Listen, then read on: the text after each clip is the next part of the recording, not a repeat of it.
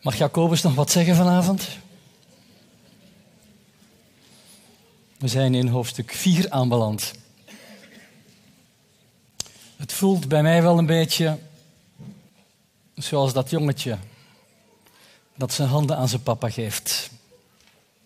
En eerst zegt, ik wil niet. Het voelt voor sommigen misschien, zoals iemand die het eh, gisteren voor mij samenvatte, ik ga onder in het licht van Jacobus. Er wordt zoveel in mijn hart blootgelegd. En dan denk ik zelf, het is eigenlijk genoeg geweest. Laten we naar huis gaan. Maar de Heer wil dat we met schone handen naar huis gaan. Daar gaat dit stuk over. Vanwaar al die strijd en al die conflicten in uw midden? Vloeien ze hier niet uit voort, uit uw hartstochten, die in alle delen van uw lichaam strijd voeren? U verlangt naar iets en krijgt het niet. U benijdt anderen en beijvert u om dingen te bemachtigen. En u kunt ze niet krijgen. U maakt ruzie en voert strijd, maar u krijgt niet omdat u niet bidt. U bidt wel, maar u ontvangt niet, omdat u verkeerd bidt, met het doel het in uw hartstochten door te brengen overspelige mannen en vrouwen. Weet u dan niet dat de vriendschap met de wereld vijandschap tegen God is? Wie dan nu een vriend van de wereld wil zijn, wordt als vijand van God aangemerkt. Of denkt u dat de schrift te vergeefs zegt? De geest die in ons woont verlangt die vurig naar afgunst? Hij echter geeft des te meer genade. Daarom zegt de schrift, God keert zich tegen de hoogmoedige, maar aan de nederige geeft hij genade. Onderwerp u dan aan God. Bied weerstand aan de duivel en hij zal van u vluchten. Nader tot God en hij zal tot u naderen. Reinig de handen, zondaars en zuiver de harten, dubbelhartige. Besef uw ellende en treur en huil. Laat uw lachen veranderd worden in treuren en uw blijdschap in droefheid. Verneder u voor de Heer en Hij zal u verhogen.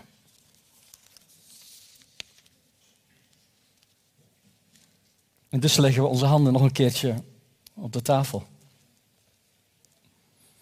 om dingen te horen die wij niet graag horen. En ik denk zo, het, dat was voor de christenen waar Jacobus aan schreef. Dan kan ik een beetje afstand nemen. Waren het christenen waar hij aan schreef? Hij spreekt een taal over die mensen die je nauwelijks met heiligen in Christus kan synchroniseren. Van waar komt al die strijd en al die conflicten in uw midden?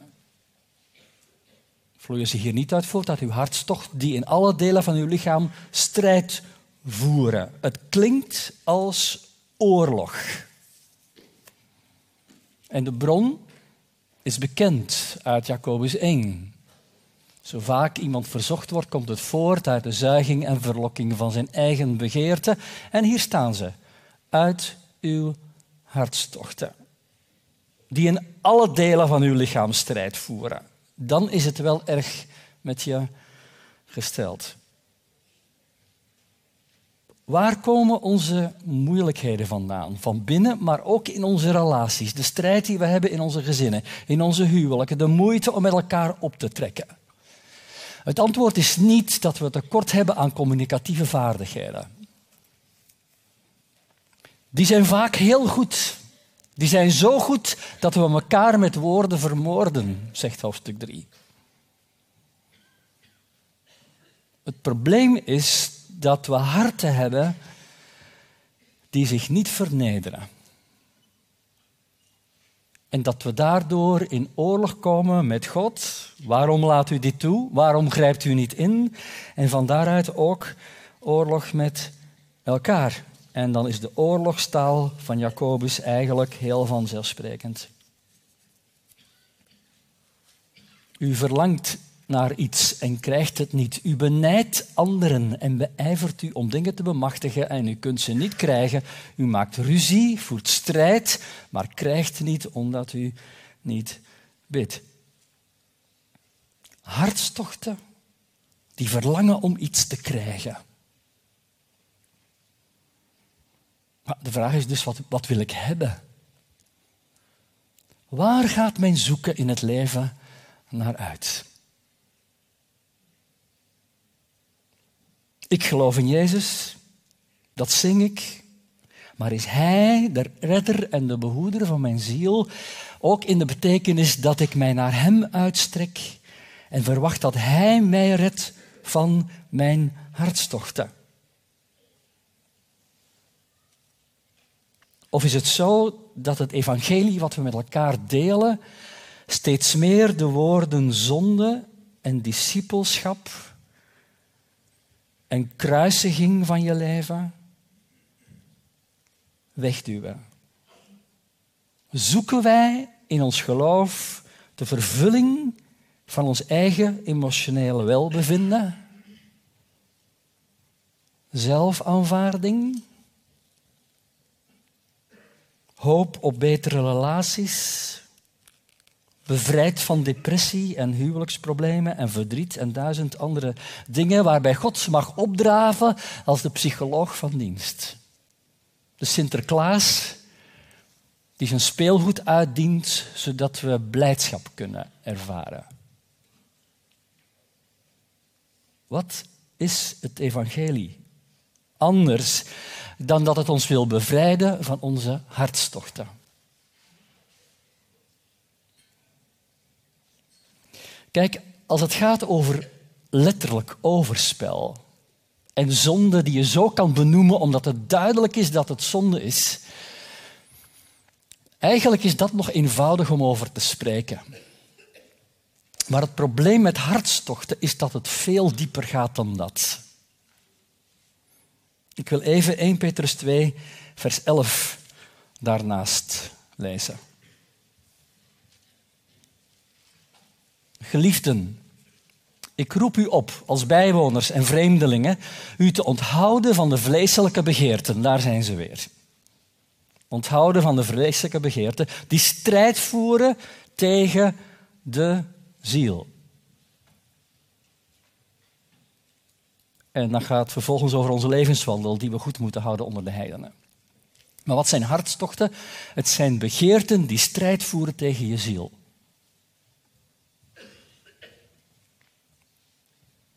En je kan waarschijnlijk zo'n aantal begeerten noemen. En ik was eigenlijk blij dat een van jongeren daarnet zei, bij mij was het muziek. Weet je, de meeste van onze verlangens zijn echt niet verkeerd. Het is goed en fijn om naar leuke, goede muziek te luisteren.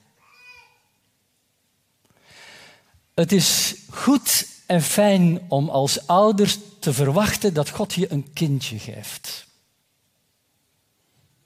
Het is goed als zoon of dochter te verwachten dat je vader of je moeder van je houden.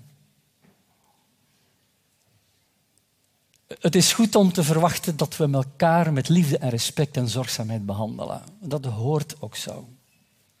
Dat zijn goede dingen om te verlangen. Maar het probleem is dat deze goede verlangens ons beginnen op te eisen. Het goede waar je naar verlangt, wordt dan eigenlijk een kwade afgod die zich verbindt met de kwaadheid van je hart. Als goede dingen je levensdoel worden, boven de weg die God met je gaat en toelaat, worden ze een afgod die jouw verlangens beheersen en die strijd voeren tegen je ziel om je van God af te trekken.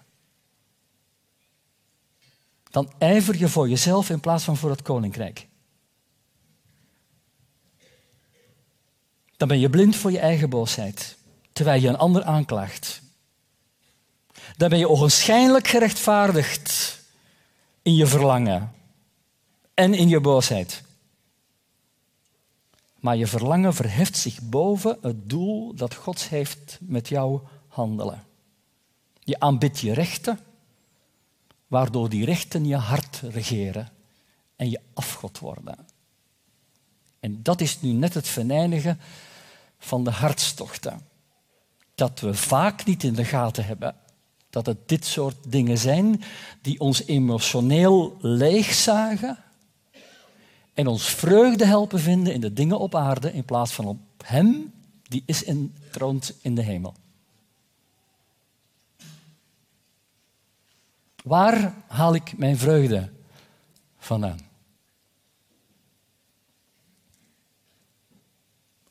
Ik had gisteren een uh, gesprek met iemand die zei: Ik denk dat, dat verslaving in mijn leven opnieuw op de hoek komt kijken. En ik vroeg: Ben je bereid om die verslaving uit je leven weg te doen? Ik ben bereid. Maar als je ze wegdoet, wat verlies je dan? Als ik ze wegdoe, dan verlies ik vreugde. Want ik heb de vreugde van mijn hart gezet op dit. Nou, niet op dit, maar het vult mij emotioneel. Eigenlijk komt het daarop neer. En, en mijn vraag vanavond is eigenlijk, waar heb jij een hartstocht in je leven waar je emotioneel wordt vervuld, wat een plaats inneemt boven de Heere God? Het kan zomaar Facebook zijn. Of gamen. Of een soapserie. Of een boekje wat je leuk vindt om te lezen. Iets waar jouw emotioneel welbevinden wordt door opgepept. Waardoor je vreugde vindt in dingen en mensen. In plaats van vreugde in de Heer die jou geroepen, geschapen Eerst geschapen, dan geroepen. Nee, eerst geroepen en dan geschapen. Wat heb je geroepen voor je geschapen bent? Je naam staat in het boek van het leven voor de grondlegging van de wereld. En ik wil dus in mijn leven toetsen waar de hartsverlangens zijn die strijd voeren tegen mijn ziel, zodat ik twee zielen krijg. Een verdeeld hart, wat langs de ene kant zegt, Heer, ik hou van u, en langs de andere kant, ik, ik ken u niet, of ik zoek vervulling in wat anders.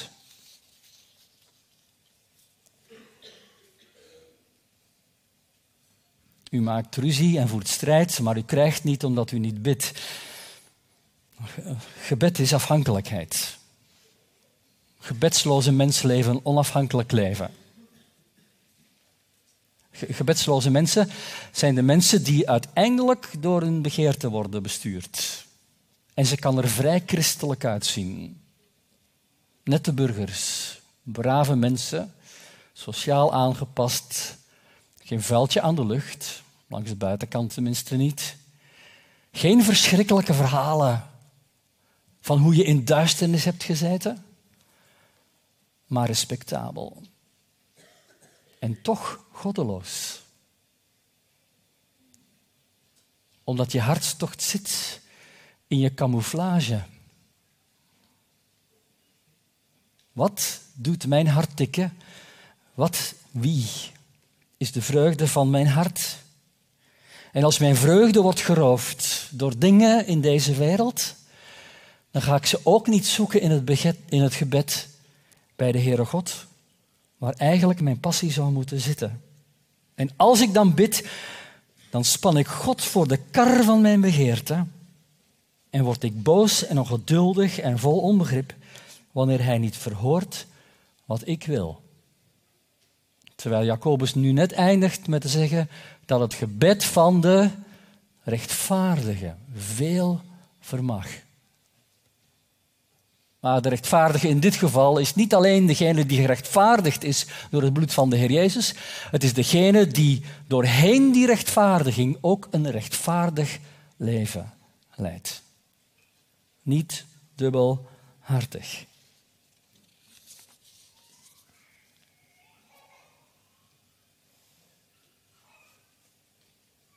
Roep luidkeels. Houd u niet in. Verhef uw stem als een bazuin. Verkondig mijn volk hun overtreding en het huis van Jacob hun zonde. Hoewel ze mij dag aan dag zoeken en vreugde vinden in de kennis van mijn wegen, als een volk dat gerechtigheid doet en het recht van zijn God niet verlaat, vragen ze mij om rechtvaardige oordelen. Ze vinden er vreugde in tot God te naderen, terwijl ze zeggen, waarom vasten wij als u het toch niet ziet? Waarom kwellen wij onze ziel als u het toch niet weet? Zie, zegt de Heer, op uw vastendag zoekt u uw eigen wens. Zie u vast om te twisten en ruzie te maken. Jezaja 58, we hebben geen tijd om het te lezen. Maar, maar dat is het vaak. Dat, dat, dat we vaak niet zien dat onze religiositeit en zelfs onze gebeden uiteindelijk een diepere hartstocht dienen in plaats van de Heere aan wie al onze liefde toekomt. Overspelige mannen en vrouwen. Oorlog met God dus. Vaak zonder dat we in de gaten hebben, want ik vind het niet echt een beschrijving van mij. Of toch? Als ik mezelf in het licht van Jacobus plaats en mijn handen op de tafel leg, dan blijkt plots wat er met mijn hart aan de hand is. En dan weet ik dat het overspel zit ook in mijn hart. Op allerlei manieren. De wereld, de begeerte van het vlees, de duivel, wordt aan mij getrokken om andere dingen meer als levensvervulling te ervaren en te voelen dan het verlangen naar God zelf. Ik kan alleen maar met, met, met Paulus zeggen, ik ellendig mens. Maar met hem ook, er is geen veroordeling en er is een wet van de geest van het leven die in mij aan het werk is. En ik wil niet in de categorie van de mensen die de wereld lief hebben. Weet u dan niet dat vriendschap met de wereld vijandschap tegen God is? Oh, hoe hebben wij de wereld vaak lief? Wij willen normaal gevonden worden. Wij willen dat de wereld zegt dat we goed bezig zijn als kerken. Wij willen de erkenning dat we geen rare, gekke, sectarische mensen zijn. En dus houden we ons een beetje gedijst. We spreken niet meer radicaal over het evangelie dat harten verandert en redt van zonde. En we hopen dat anderen ons eigenlijk wel in de kring opnemen. Klinkt een beetje als Bilial, die weet dat het volk niet te verleiden is met directe zonde, maar dat als je vriendschap sluit met mensen uit de wereld, dat je dan eigenlijk in een kring terechtkomt waar je zo makkelijk wordt meegenomen richting zonde. Kijk, er is niemand van ons die s morgens opstaat en zegt: Vandaag ga ik eens overspel plegen. Dat gebeurt gewoonweg niet. En als dat gebeurt, dan is er al lang iets vooraf gegaan. Het, begint met, met een vriendelijk gesprekje bij de koffie, op je werk. En het was eigenlijk wel een leuk gesprek. En, en diep in je hart verlang je om nog, naar, naar een stukje vriendelijkheid. En de vriendelijkheid wordt genegenheid. En de genegenheid wordt emotionele binding. En de emotionele binding wordt verliefdheid, passie, hartstocht. En voor je het weet ben je een overspeler geworden. Niet omdat je daar plotseling mee bent opgestaan, maar omdat je hart langzaam in gevangenschap is geraakt, zonder dat je het in de gaten had. En de Heer vraagt vanavond eigenlijk, ben jij bereid om niet alleen je duidelijke, verschrikkelijke, zichtbare zonde te laten wassen, maar ben je ook bereid de hartstochten van je hart, die je vaak zelf niet in de gaten hebt, maar ik maak ze je nu duidelijk, om die op de tafel te leggen en ze laten afwassen. Wat wil je als offer brengen? Zodat God het neemt en als het een afgod is, dat hij vernietigd kan worden. Want wie een vriend van de wereld wil zijn, wordt als vijand van God aangemerkt. Het is wit of het is zwart. Je hoort bij de Heer Jezus of niet. Er is geen middenweg. Of denkt u dat de schrift vergeefs zegt? Nou, het zinnetje wat dat nu volgt is een moeilijk zinnetje om te vertalen. En de keuze van de HSV is: de geest die in ons woont, verlangt die vurig naar afgunst? En het antwoord is nee, de geest van God heeft geen verkeerde negatieve afgunst zoals de hartstochten dat hebben. Maar ik kan hem ook anders vertalen. Of meent hij dat het schriftwoord zonder reden zegt, de geest die hij in ons deed wonen, begeert hij, God, met jaloersheid? Nou, welke vertaling is het nu? Het antwoord is, ik weet het niet. Het is gewoon in het Grieks een moeilijke tekst om te vertalen. Moeilijk om te bepalen wie de actieve persoon is.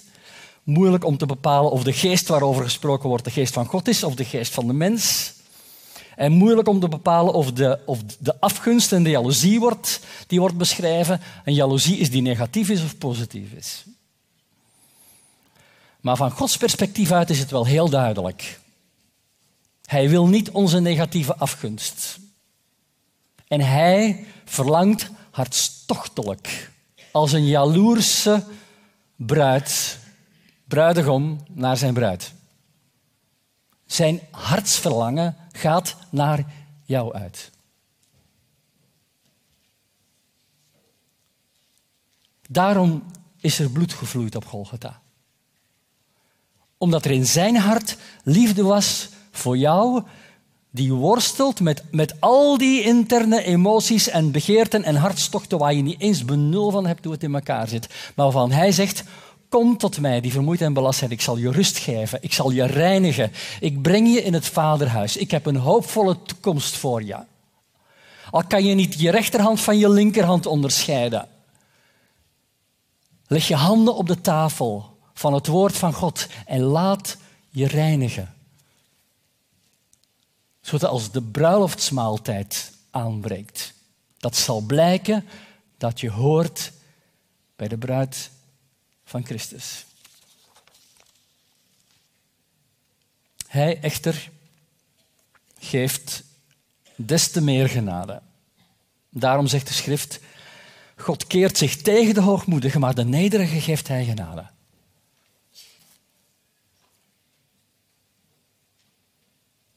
De nederige geeft hij genade. Degene die onderdanig willen zijn.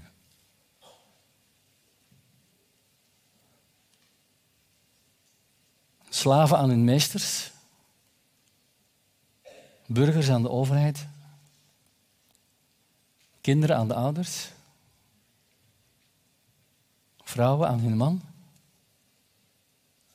gemeenteleden aan ouderlingen, oudsten. Kijk, het is makkelijk om te zeggen, Heer, ik wil u dienen, ik kniel voor u. Maar tegelijkertijd zeggen onze hartstochten maar niet voor hem of voor haar. Die, die nederigheid, Heer, kunt u van mij niet vragen.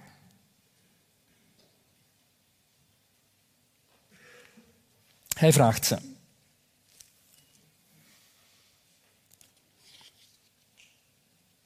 Petrus schrijft over oudsten of ouderlingen die de gemeente moeten leiden vanuit zuivere motieven. Dat valt niet altijd mee. Want je moet als herder schapen hoeden die vaak allerlei richtingen uitgaan en die rare dingen doen.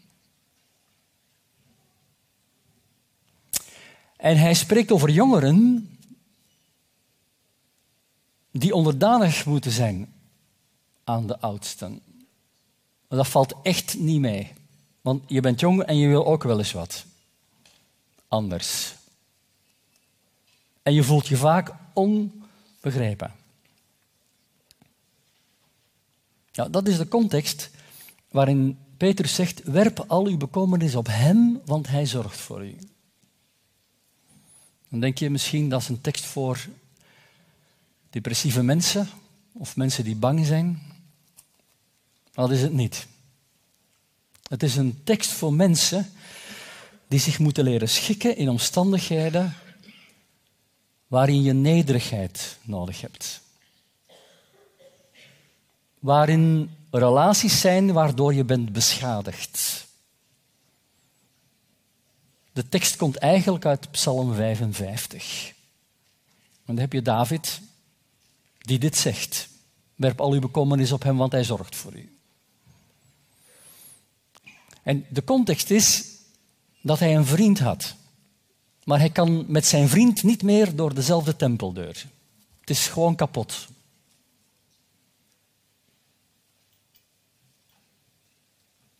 En die relatie brengt allerlei beschadigingen met zich mee.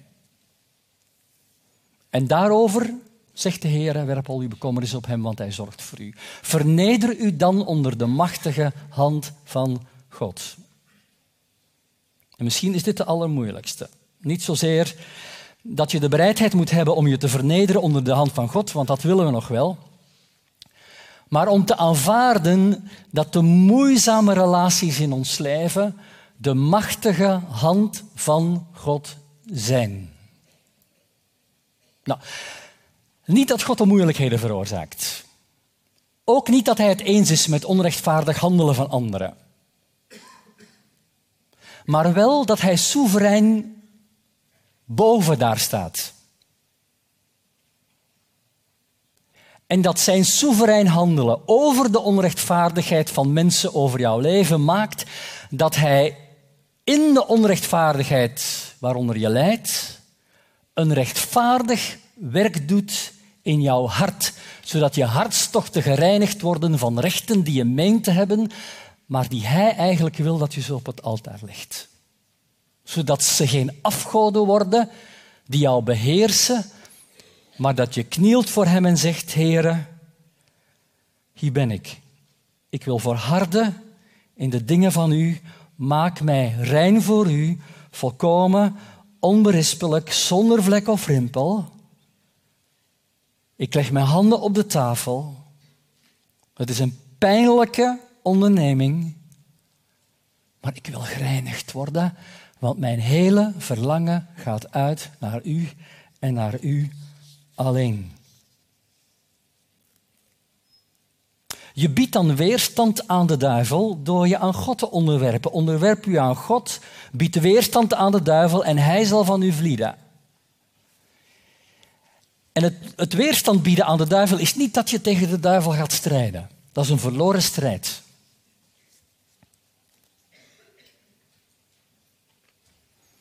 Het weerstand bieden is weerstand bieden door te naderen tot God.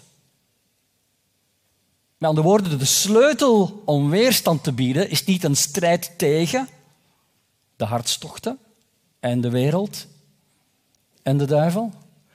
De sleutel om weerstand te bieden is onderwerping aan God tot wie je nadert. We worden opgeroepen om de geestelijke wapenrusting te dragen. Want de tegenstander gaat rond als een briesende leeuw, zoekende wie hij zal verslinden. Hij voert strijd tegen je ziel. En Paulus zegt dat we die wapenrusting moeten dragen, zodat we ten dagen der bezoeking, of ten, op de dag dat we in de problemen komen, staan. Als je die aantrekt op de dag dat je in de problemen komt, ben je gewoon te laat. Je kan niet doorgaan met je leven te leven en dan met je hoofd tegen de muur te lopen en dan zeggen, Heer, red mij. Nou, je mag dat dan wel roepen. En soms red je ook. Maar soms moet je ook gewoon de gevolgen dragen van je levenswandel. We hebben niet de tijd om in de schrift voorbeelden te noemen, maar die zijn er wel. Als je wil staan ten dagen van de verzoeking, dan moet je nu beginnen met de wapenrusting aan te trekken. En wat is de wapenrusting? De waarheid. Wie is de waarheid? Dat is de Heer Jezus. De gerechtigheid. Wie is onze gerechtigheid? Het is de Heer Jezus. Het evangelie des vredes. Wie is onze vrede? Dat is de Heer Jezus. Het schild van het geloof. Waar zit ons vertrouwen? Het werk van de Heer Jezus. De helm van het heil of de zaligheid. Wie is ons heil? Het is de Heer Jezus. Het zwaard van de geest. Dat is het woord van God. Wie is het woord van God? Het is de Heer Jezus. En bid daarbij. In wiens naam zullen wij dan bidden? Het is de naam van de Heer Jezus. De wapenrusting die we nodig hebben is Jezus Christus zelf. Het is niet een wapenrusting waarmee we ten strijde trekken tegen van alles en nog wat en oorlog voeren ergens daar tegen de vijand. Het is een wapenrusting waardoor we binnenkomen in de schuilplaats van de Allerhoogste, naderen tot God en veilig zijn in een burcht die onaantastbaar is voor de tegenstander en hij moet eruit vlieden. De sleutel om te naderen tot God is niet strijden tegen de duisternis, maar binnen te gaan in het licht. En dan doet God een werk. Je gaat binnen in het licht door in nederigheid met Hem te wandelen en te zeggen, Heer, doe uw werk maar aan mijn hart. Ik, ik wil mijn hartstochten kruisigen. Ik wil het gekruisigde leven leven. Dat is een pijnlijke kruisiging. Maar dat betekent dat je je muziekalbums de deur uitgooit. Het betekent dat je vriendschappen waarvan je weet, die leiden mij van de Heere God af, dat je ze stopzet. Dat je je afscheidt. Het betekent dat als je in de wereld met mensen omgaat, dat je bereid bent om het woord van Christus te spreken en dat je het risico loopt dat je daarom wordt vervolgd of uitgelachen of afgewezen of uitgesloten. Maar er is een schuilplaats die onaantastbaar is, die onuitroeibaar is, waar het veilig is om te wonen, te midden van de storm van het leven, al gaat de zee op en neer. Jij bent niet onberekenbaar. Jij staat in Christus. De genade die God verleent om in de golven van het leven zijn stem te horen die zegt tegen de golven: wees stil.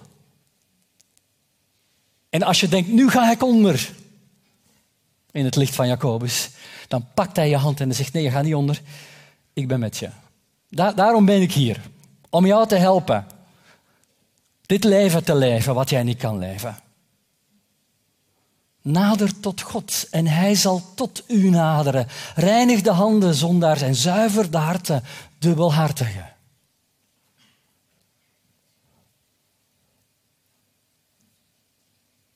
Waar moeten je handen van gereinigd worden? Waar moet je hart van gereinigd worden? Eigenlijk is dat de slotvraag van deze avond. En voor vele mensen zijn het eigenlijk simpele dingen die gewoon geniepig je emotionele leven vreten. En in plaats van dat je vreugde vindt in Hem, dat je de vreugde telkens weer opzoekt in emotionele ervaringen op de aarde. Wat het ook is. Waardoor die afgoden jouw denken en je emoties beheersen en roven en vullen met nep. In plaats van met echt leven. Nou, besef uw ellende, treur en huil. Laat uw lachen veranderen in treuren en uw blijdschap in droefheid. En dan zitten we weer in de zaligsprekingen. Is het niet? Zalig de armen van geest. Zalig zij die treuren en die er dan verlangen dat God dit reinigend werk in hun harten doet. En het slotvers, verneder u voor de Heer en Hij zal u verhogen. Dat staat ook in Petrus. Waar de jongeren zich buigen onder de machtige hand van God, die een werk doet doorheen de ellende en de moeite en de beproevingen van het leven om het hart te veranderen, met als doel dat de brullende leeuw je niet verslindt, maar dat Hij op zijn tijd je de positie geeft die je toekomt als kind van God. Als wedergeboren mens, als eersteling samen met de Heer Jezus in de schepping. Amen. Laten we bidden.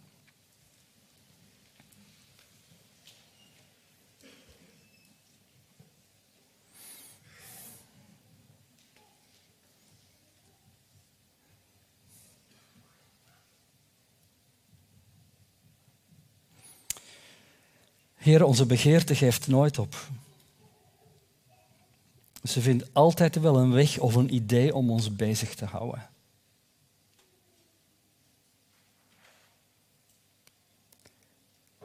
Maar u bent de beschermer en de behoeder van onze zielen.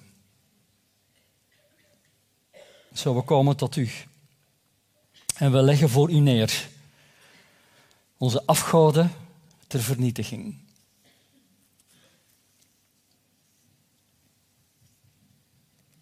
En ik wil je vragen, welke afgod wil jij inbrengen?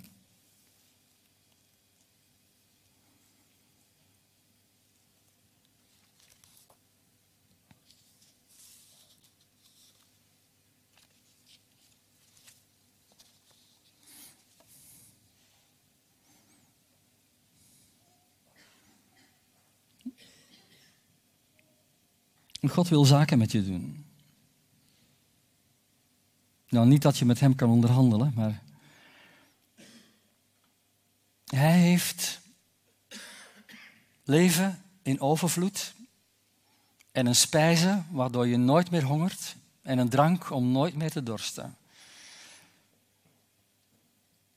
En hij zegt eigenlijk, geef mij je afgoden en ik geef jou het leven. Nu is de tijd om met God een ruil uit te voeren. En je krijgt deze gelegenheid niet elke week, maar je hebt hem nu. En er zijn maar twee mogelijkheden. Als God tot je spreekt en je nadert, dan zal Hij je redden. Maar als Hij tot je spreekt en je houdt hem terug, dan zal Hij je hart verharden. De eerste weg is leven, de tweede weg is dood. De eerste weg is bevrijding, de tweede weg is gevangenschap. God wil zaken met je doen. Nu. Dus, wat leg je op de tafel om van gereinigd te worden?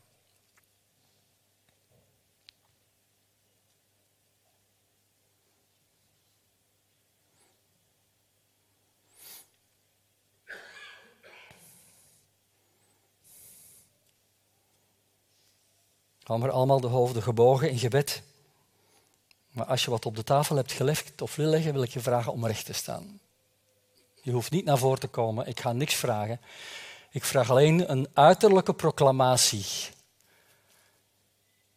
Door recht te staan en daarmee te kennen te geven tegenover de overheden en machten in de hemelse gewesten. Mijn leven behoort de Heer Jezus Christus alleen en niemand anders. Ik leg op de tafel de begeerte van mijn hart en de afgod van mijn leven.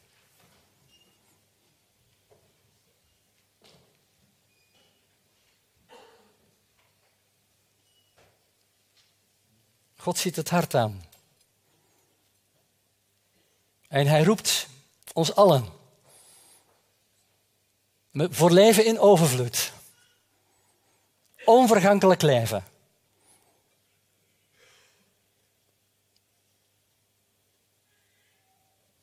En ik zeg je op grond van het woord van de Heer Jezus. En op grond van je getuigenis dat je recht staat om te beleiden, ik geef mijn afgod af. dat je zonde is vergeven.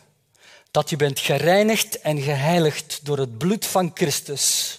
Dat reinigt van alle zonde. En dat Hij jouw Heer wil zijn in alle dingen, in dit, maar ook in de toekomst. Opdat het proces wat Hij is begonnen om je te herstellen van heerlijkheid tot heerlijkheid vandaag niet eindigt, maar dat vandaag wel eens iets opgeruimd, opdat er een stap verder gezet kan worden voor meer van de Heer Jezus in je. En het is de kracht van de Heilige Geest die het in jou zal volbrengen. Het is het reinigende werk van het woord van God. Als je je daaraan vastklampt, als je dat met zachtmoedigheid aanneemt, zal het je ziel behouden en je beveiligen tegen alle vijandschap van de tegenstander die erop uit is om je ziel te vernietigen en oorlog te voeren tegen je. Maar in de schuilplaats van de Allerhoogste is het veilig tegen alle pijlen van de tegenstander. Zo houd moed, houd vast, blijf in Hem. Geloof in Hem, vertrouw op Hem, geef je hart aan Hem telkens opnieuw. En je zal zien dat het werk dat Hij in je is begonnen onuitroeibaar is. En dat er een hoopvolle toekomst is weggelegd. Waar we samen hartstochtelijk naar verlangen en zeggen, Heere, bezwijkt mijn lichaam en mijn hart. Dan is God de rots van mijn hart en voor eeuwig mijn deel. Want zie, wie zich ver van u houden, zullen omkomen. U verdelgt allen die als in hoererij u verlaten. Maar wat mij betreft, het is voor mij goed dicht bij God te zijn. Ik neem mijn toevlucht tot de Heere, Heere, om al uw werken te vertellen. En nevens u begeer ik niets op aarde. Amen.